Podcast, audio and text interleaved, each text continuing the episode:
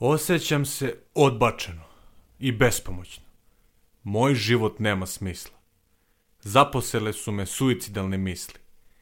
Trenutna situacija se nikad neće promeniti i moram se osloboditi tereta.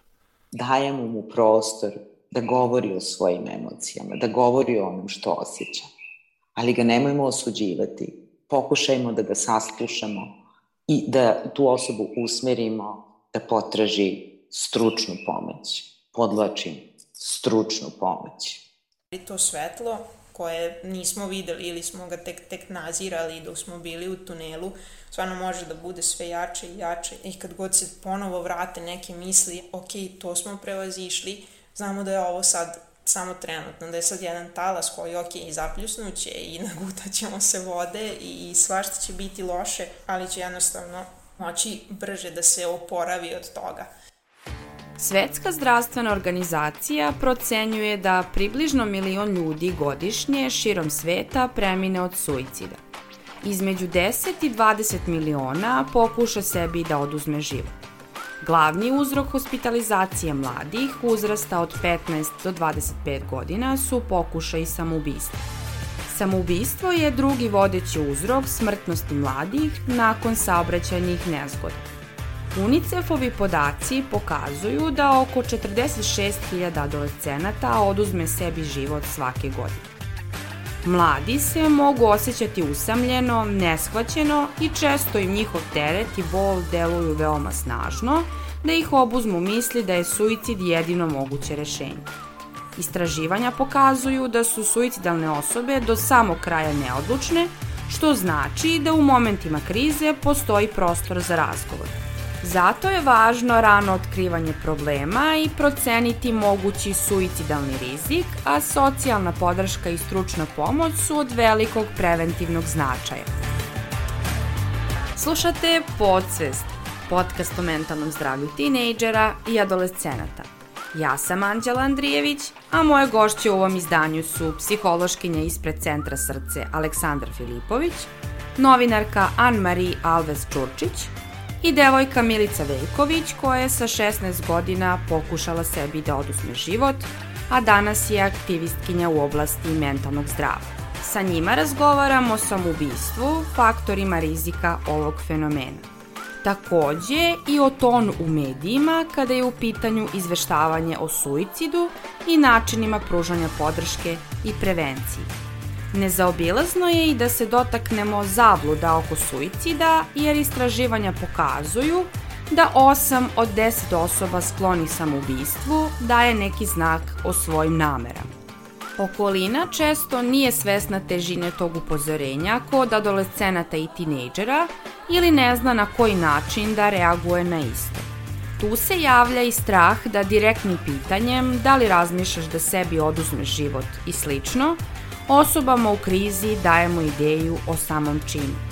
No, autor Richard Nelson u knjizi Moć da se spreči samoubistvo ističe da razgovor sa osobom u krizi može nagovestiti da osoba razmišlja o samoubistvu i da se time može smanjiti mogućnost da se samoubilačke misli pretvore u samoubilačko ponašanje. Suicidalno ponašanje se može definisati kao pokušaj osobe da umanji i eliminiše neizdržljivu psihološku bol koju osjeća duži vremenski period. Psihološkinja Aleksandra Filipović ističe da suicidalno ponašanje obuhvata pre svega suicidalne misli o samoubistvu koje su različitog intenziteta, trajanja i sadržaja – Kako ona objašnjava, u momentima krize osoba razmišlja kako bi bilo bolje da je nema, razvija suicidalni plan, na koji način bi sebi mogla da oduzme život, kojim sredstvima i u koje vreme. Da li bi se sa nekim pozdravila? Nakon toga, samoubilačko ponašanje obuhvata pokušaj suicida i samo izvršenje. Kada se procenjuje da li je neka mlada osoba pod suicidalnim rizikom, važno je uzeti u obzir faktore rizika koji povećavaju mogućnost pokušaja i izvršenja suicida.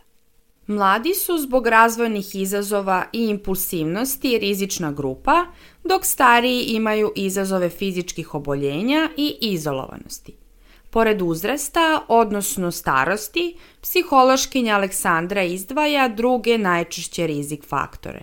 Istraživanja dosledno pokazuju da su žene sklonije da pokušaju da sebi oduzmu život, a muškarci da na kraju izvrše samoubistvo. Bračni status, to je sad možda malo, ajde da kažemo, daleko kada pričamo o mladima, ali u stvari ne radi se o samom bračnom statusu koliko o tom osjećanju usamljenosti. Znači, ako su osobe povezane u nekim partnerskim ili bilo kojim drugim zajednicama, manja je verovatnoća da će razmišljati u teškim momentima o samoubistvu. Prošli pokušaj, odnosno ukoliko je osoba ranije imala pokušaje samoubistava, veća je verovatnoća da će kad se nađe u sledećoj krizi opet razmišljati o samoubistvu. Mogu to biti neke životne krize, neki nepredvidivi teški izazovi i problemi. Mentalni poremećaj i to konkretno se ističu posebno depresija i zloupotreba alkohola. Kod depresije posebno taj moment da osoba ne vidi više nadu da će biti bolje, odnosno to beznađe. Mogu biti neka fizička oboljenja. Ako je osoba zbog tog nekog fizičkog oboljenja prosto manje funkcionalna nego što je ranije bila ili što bi volela ili je manje samostalna. Isto tako značajno je i da li je bolest hroničnog toka i da li je izložena stigmi, na primer HIV, recimo često je faktor rizika za samoubistvo. Pored rizik faktora, postoje i faktori koji štite osobu da pokuša ili oduzme sebi život. Međutim, kako ističe psihološkinja Aleksandra Filipović, kada je osoba u krizi, ne smemo zaboraviti suicidalni rizik primetimo da osoba ima stvarno puno zaštitnih faktora u svom okruženju i u sebi samoj i pretpostavimo da zbog toga ona neće izvršiti suicid. Znači, važno je da procenjujemo i faktore rizika i ove zaštitne faktore i to sve objedinjeno gledamo. Kada osoba ima ciljeve za budućnost, kada ima određene planove, snove, težnje, to će u određenoj meri da je štiti od celog tog suicidalnog spektra. Zatim, kada ima mrežu podrške, vršnjačka podrška, porodična, partnerska, znači što je, ajde da kažemo, jača ta mreža podrške, to je manja verovatnoća da će osoba da razvije tu neku suicidalnu simptomatologiju. Zatim doživljaj prihvaćenosti je jako važan i dostupnost stručnjaka Znači, da li osoba zna gde može da potraži pomoć, da li je osobi dostupan taj izvor podrške i pomoći. Takođe su jako važne neke kulturne i duhovne vrednosti. Recimo, često ćemo čuti da religioznu osobu štiti neko religiozno uverenje od toga da izvrši samoubistvo. Ili različite kulturološke neke priče. Istraživanja pokazuju da 8 od 10 osoba koje su pokušale suicid prethodno je davalo neke znake okolini. Crvene lampice mogu biti promene u raspoloženju i ponašanju, odnosno kada primetimo kod osobe koja je dinamična i otvorena ka drugima, da se povlači u sebe, da je nezainteresovana, bezvoljna, ima problema sa načinima funkcionisanja poput spavanja i ishrane. Obično znakovi upozorenja nisu sami za sebe odlučujući u tome da li će neko izvršiti samoubistvo, već je u većini slučajeva kombinacija više njih. Psihološkinja Aleksandra Filipović predočava koje su još promene kod suicidalnih mladih česte. Primećujemo da osoba ima utisak da će poludeti ili da će povrijediti sebe ili druge, da nema kontrole nad svojim mislima i ponašanjem. Takođe opterećeni su osjećanjem krivice, stida, samomržnje i imamo taj moment da se vraćaju na događaj iz prošlosti koje je recimo nemoguće ispraviti. Recimo žaljenje za nekim događajima kako je moglo biti drugačije. Osobe često sređuju neke nezavršene obaveze vezano za fakultet ili za školu, raspoređuju značajne stvari po određenim kategorijama kome bi šta mogli da poklone, da daju. Znači, kroz ta neka ponašanja mi primećujemo da osoba ne želi nikome da ostavi te nedovršene repove. Isto tako, često se čuje u izjavama ili se vidi u ponašanju da osoba ima suicidalne ideje ili misli ili planove. Znači, to može da glasi tako što osoba kaže toliko mi je teško da bi mi dobro došli baš ovi lekovi koje imam u kupatilu i neko može to da shvati kao polušalu ili kao nešto što nije vredno pomena, ali je i tekako bitno. Uprkos naznakama koje suicidalne osobe pružaju okolini, a koje su značajne kako bi se na vreme intervenisalo i sprečio rizik od suicida, okolina često ima osuđujući pristup. Samubistvo prati stigma, krivica, javljaju se zablude i mitovi. A koji su najčešći mitovi izdvajam sa psihološkinjom Aleksandrom Filipović. Naravno, tu su i negativne subtilne rečenice koje kod mlade osobe u krizi mogu stvoriti kontraefekat. Osobe koje pričaju da će oduzeti sebi život ne izvrše samoubistvo. Osam od deset osoba koje pokušaju samoubistvo daju jasne znake da će ga pokušati. Broj pokušaja samoubistva je duplo veći od izvršenih. Broj pokušaja samoubistava je 20 do 100 puta veći od izvršenih samoubistava. Jednom suicidalan, uvijek suicidalan. Ako neko osjeti u nekom periodu suicidalne porive, to ne znači da će zaovek biti suicidalna i baš zbog toga taj period nazivamo suicidalna kriza. Znači ona ima svoj početak i kraj. Poboljšanje nakon suicidalne krize je pokazatelj da više nema suicidalnog rizika. Pokušaj suicida se najčešće dešavaju posle određenog vremena kada osoba osjeti da ima više snage, ali je i dalje jednako loše raspoložena, odnosno osjeti tu teskobu, ali ima više snage nego prethodno. Samoubistvo je akt psihotične osobe. Samoubistvo nije akt psihotične osobe, može nekada da ide uz određene mentalne poremećaje, ali može da se desi nekome ko ne odgovara ni jednom mentalnom poremećaju, već se prosto nalazi u nekim životnim izazovima i krizi. Ako pitam osobu da li razmišlja o samoubistvu, možemo joj dati ideju da razmišlja u tom pravcu. Nećemo mu na taj način dati ideju da to učini, već ćemo samo stvoriti siguran prostor da se o tome razgovara. Samo stručna osoba može pomoći. Istraživanja pokazuju da mladi ljudi najčešće traže prvu pomoć od vršnjaka, tako da ta vršnjačka podrška je izuzetno važna i pored vršnjačke je to porodična, partnerska i naravno stručna pomoć. Sam skriv za to što ti se dešava. Jo Bože, tebi nikad ništa ne valja. Te neke rečenice iskazuju tu osudu i krivicu i zatvaraju prostor da se otvoreno govori o toj temi. Biće okej, okay. sve se dešava s nekim razlogom. Ko zna zašto je to dobro. Običajne fraze opet mogu da iskomuniciraju to neko nerazumevanje i zatvaranje prostora za taj razgovor. Eh, mlad, tvoja situacija je bezazlena. Šta te tek čeka kroz dalji život? Ocena koliko je okej okay da se neko osjeća na određeni način isto tako ne pomaže da se priča o samoubistvu. Ne akcenat na deljenju saveta, nego akcenat na slušanju i pomaganju osobe da ona sama dođe do onog šta je dobro za nju. Teoretičari Tičari Hollis kažu da adolescenti često kriju suicidalne misli zbog stida i straha od osude, a stigmatizacija ih samo dodatno sputava da potraže stručnu pomoć. Takođe, istraživanja još pokazuju da 90% tinejdžera veruju da ih odrasli, pre svega roditelji, ne razumeju i ne shvataju ozbiljno njihove žalbe i osjećanja već poreču da njihovo dete ima suicidalne namere, psihološki problem uopšte. Mladi u tim momentima misle da su drugima na teretu, da žele da sve nestane kako bi spasli i sebe i druge te nepodnošljive težine. Upravo takav problem i nedostatak emotivne podrške i razumevanja je devojku Milicu Veljković sa 16 godina doveo do ivice da pokuša sebi da oduzme život. Ljudima iz okruženja njene osjećanja su bila prenaglašena, a samoj Milici bilo je teško da ih artikuliše, plašila se da ih objasni. Suicidalne misli, nikad nisi dovoljno siguran da li će to biti shvaćeno ozbiljno, da li će neko samo reći pa nemoj ili pa proći će šta god. To je uvek ta bojazan da će odgovor biti nešto što, što će samo, što neće validirati naše osjećanja i sa druge strane napraviti još veći jaz ili otpor da se kasnije nekom drugom poverimo. Posebno u trenutku kada shvataš da se ti već duže vreme ne osjećaš kao da pripadaš negde. Problem kod roditelja i kada pokuša da se razgovara sa njima, bude ta strana neprihvatanja, kao što si i sama rekla, ali isto tako i kao pa gde su oni pogrešili. Nisam nalazila nikoga kome bih ja smela sad to da kažem, jer sam vaspitana u tom duhu da ono što se dešava u kući ostaje u kući. Treba da kažete da imate neki problem koji može biti povezan sa tim i onda se uvek lepe oni epiteti da li ste normalni, da li niste. Milica je danas novinarka, ali i aktivistkinja u oblasti mentalnog zdravlja. Njen je život spašen, ali i promenjen zbog posledica skoka – Milica je zadobila povredu kičmene moždine i korisnica je invalidskih kolica. Njena borba i dalje traje. Kao volonterka Centra srce pruža emotivnu podršku osobama u krizi, osobama na čijem je mestu ona nekad bila.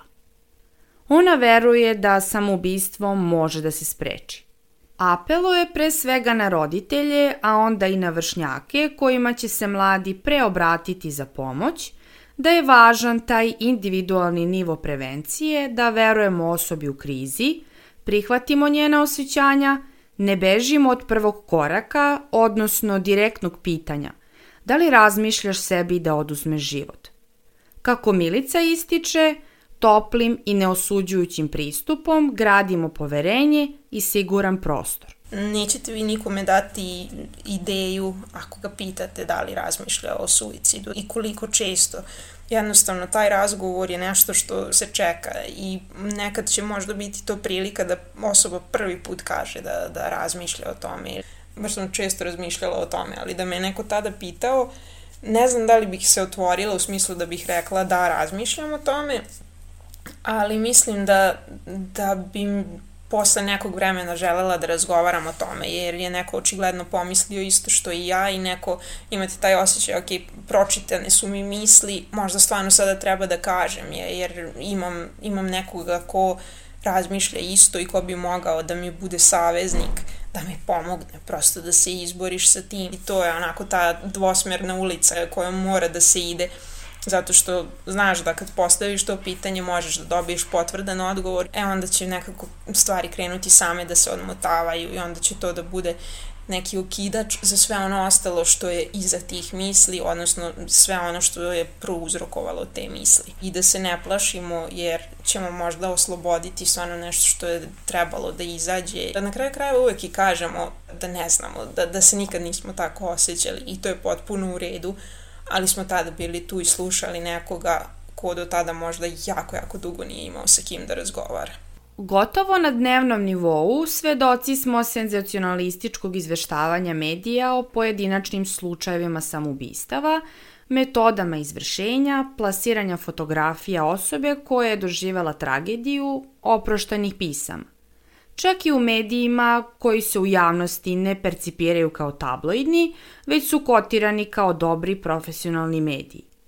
Važno je istaći slučaj novinarke Anne-Marie Alves Čurčić, čija je čerka oduzela sebi život, a koja je 10 sati nakon tragedije u svom inboksu zatekla poruku kolege koji je tražio izjavu o gubitku kako bi apelovala na kreatore čiji medijski sadržaj uglavnom završavaju u rubrikama Crne hronike, ali i na čitalačku publiku i ukazala na posledice senzacionalističkog i romantizujućeg izveštavanja, novinarka Marie je pokrenula inicijativu Za tebe važno je, kampanju Pripazi na ton, pripazi na klik. Ona predočava cilj ove kampanje, kao i kampanje Stavi se u moje cipele senzacionalistički način izveštavanja, tabloidni način izveštavanja o događajima koji uključuju tragediju, ljudsku bol, ljudsku patnju, koliko to može da ostavi dalekosežne i duboke posledice što po aktere tih događaja, što po njihove bližnje, što po širu zajednicu, posebno populaciju mladih. Molim što kreatore tih sadržaja, što čitaoce, da se barem na trenutak postave na mesto osobe, odnosno bližnjih osobe o kojima se piše. Kako biste se vi osjećali da ste u mojim cipelama? Kako biste se vi osjećali ste na mom mestu kada vam uh, u trenutku kada prolazite kroz najbolje rečeno, horor, kroz užas. Kada se suočavate, kada doživljavate, prolazite kroz traumu, duboku traumu, koja će vas obeležiti za ceo život. Kada je vrlo upitno da li ćete naići na odgovarajuću podršku svog okruženja, neposrednog, šire sredine, kada je upitno da li ćete potražiti stručnu pomoć kada znamo da sistem podrške da postoji, ali daleko od toga da može da pokrije potrebe koje kao, kao građanke i građani imamo u slučaju da prolazimo kroz uh, psihološke, emocionalne izazove. Kako biste se osjećali da ste u mojim cipelama? To je pitanje koje čini mi se svako od nas treba da postavi samom sebi, bilo da je tvorac tih medijskih sadržaja, bilo da je konzument istih, pre nego što klikne, pre nego što šeruje, pre nego što ostavi neki komentar na takvom vešću. Takav način izveštavanja ne krši samo etički kodeks novinara, zakon o informisanju i medijima, već je Ustavom zagarantovana prava građana na privatnost i dostojanstvo. Nezaobilazno je pomenuti Werterov efekat koji se opisuje kao talas oponašanih samobistava, podstaknut prikazom samog čina u medijima. Najveća posledica je upravo povećanje stope samobistava. Umesto takvih klikova možemo kliknuti na preporuke Svetske zdravstvene organizacije, pomenutu dokumentaciju koja upućuje na koji način treba pristupiti izveštavanju o ovom fenomenu. Mediji mogu imati veoma važnu ulogu u formiranju stavova i ponašanja adolescenata i mladih i konstruktivnu ulogu u prevenciji samobistva, ističući alternative, načine postupanja i pružanja podrške.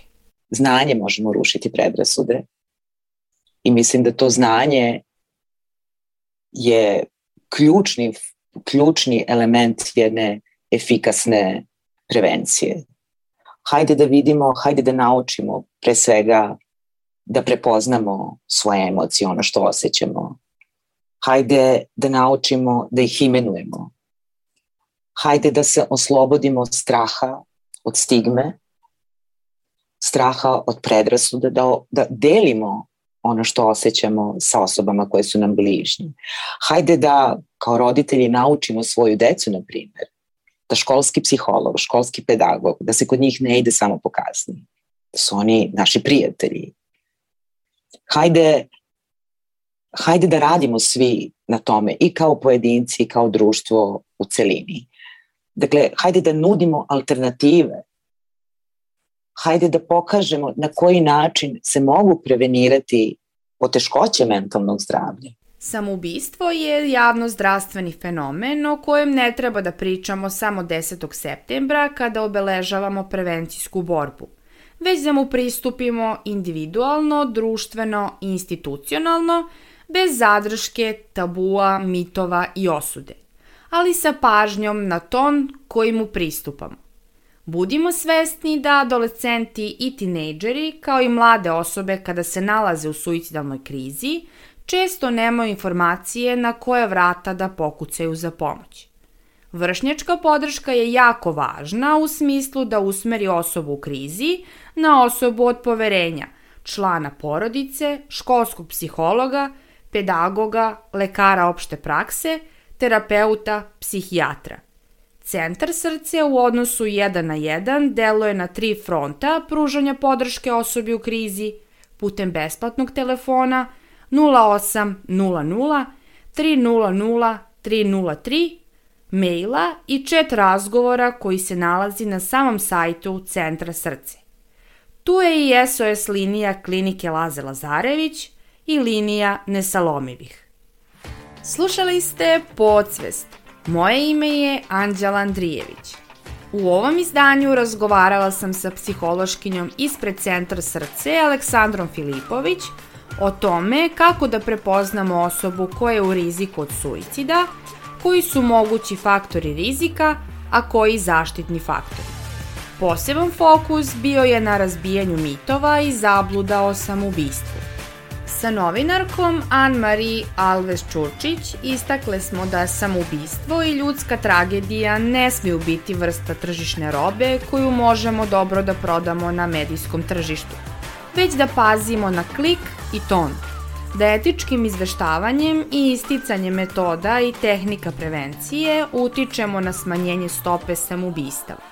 Ono što smo ovom epizodom od aktivistkinje Milice Veljković naučili je da treba da obratimo pažnju na svaku pojedinačnu reč osobe za koju pretpostavimo da je u suicidalnom riziku. Direktno je pitamo da li razmišlja da sebi oduzme život da akcenat ne usmerimo ka davanju saveta koji mogu biti kontraproduktivni, već sa akcentom na pažljivom slušanju. jer možda smo mi baš nečija sigurna zona koja će otvoriti razgovor i usmeriti osobu na adekvatnog stručnjaka koji će ublažiti patnju i u najboljem slučaju spasiti nečiji život. Podsvest možete slušati na Soundar FM-u, Podcast RS-u, Google Podcastu i Spotify-u. Do sledećeg osluškivanja podsvesti budite dobri i aktivni slušaoci osoba u krizi i imajte na umu reči autorke Gordane Dedić. Na preventivnom planu, na nivou društvene zajednice, najviše se može učiniti smanjivanjem izolovanosti osoba koje ulaze u rizične grupe, organizovanjem različitih aktivnosti, grupa, zajednica u kojima će se svaka osoba osjećati sigurno i uvažavano. Podstiču se samo pozitivne aktivnosti dok negativne koje neposredno ili posredno utiču na pojavu samoubistva treba eliminisati. Uz to, veoma je važno razvijanje osjećaja pripadnosti i izmena doživljaja nigde ne pripadam. Produkcija Fabrika kreativnosti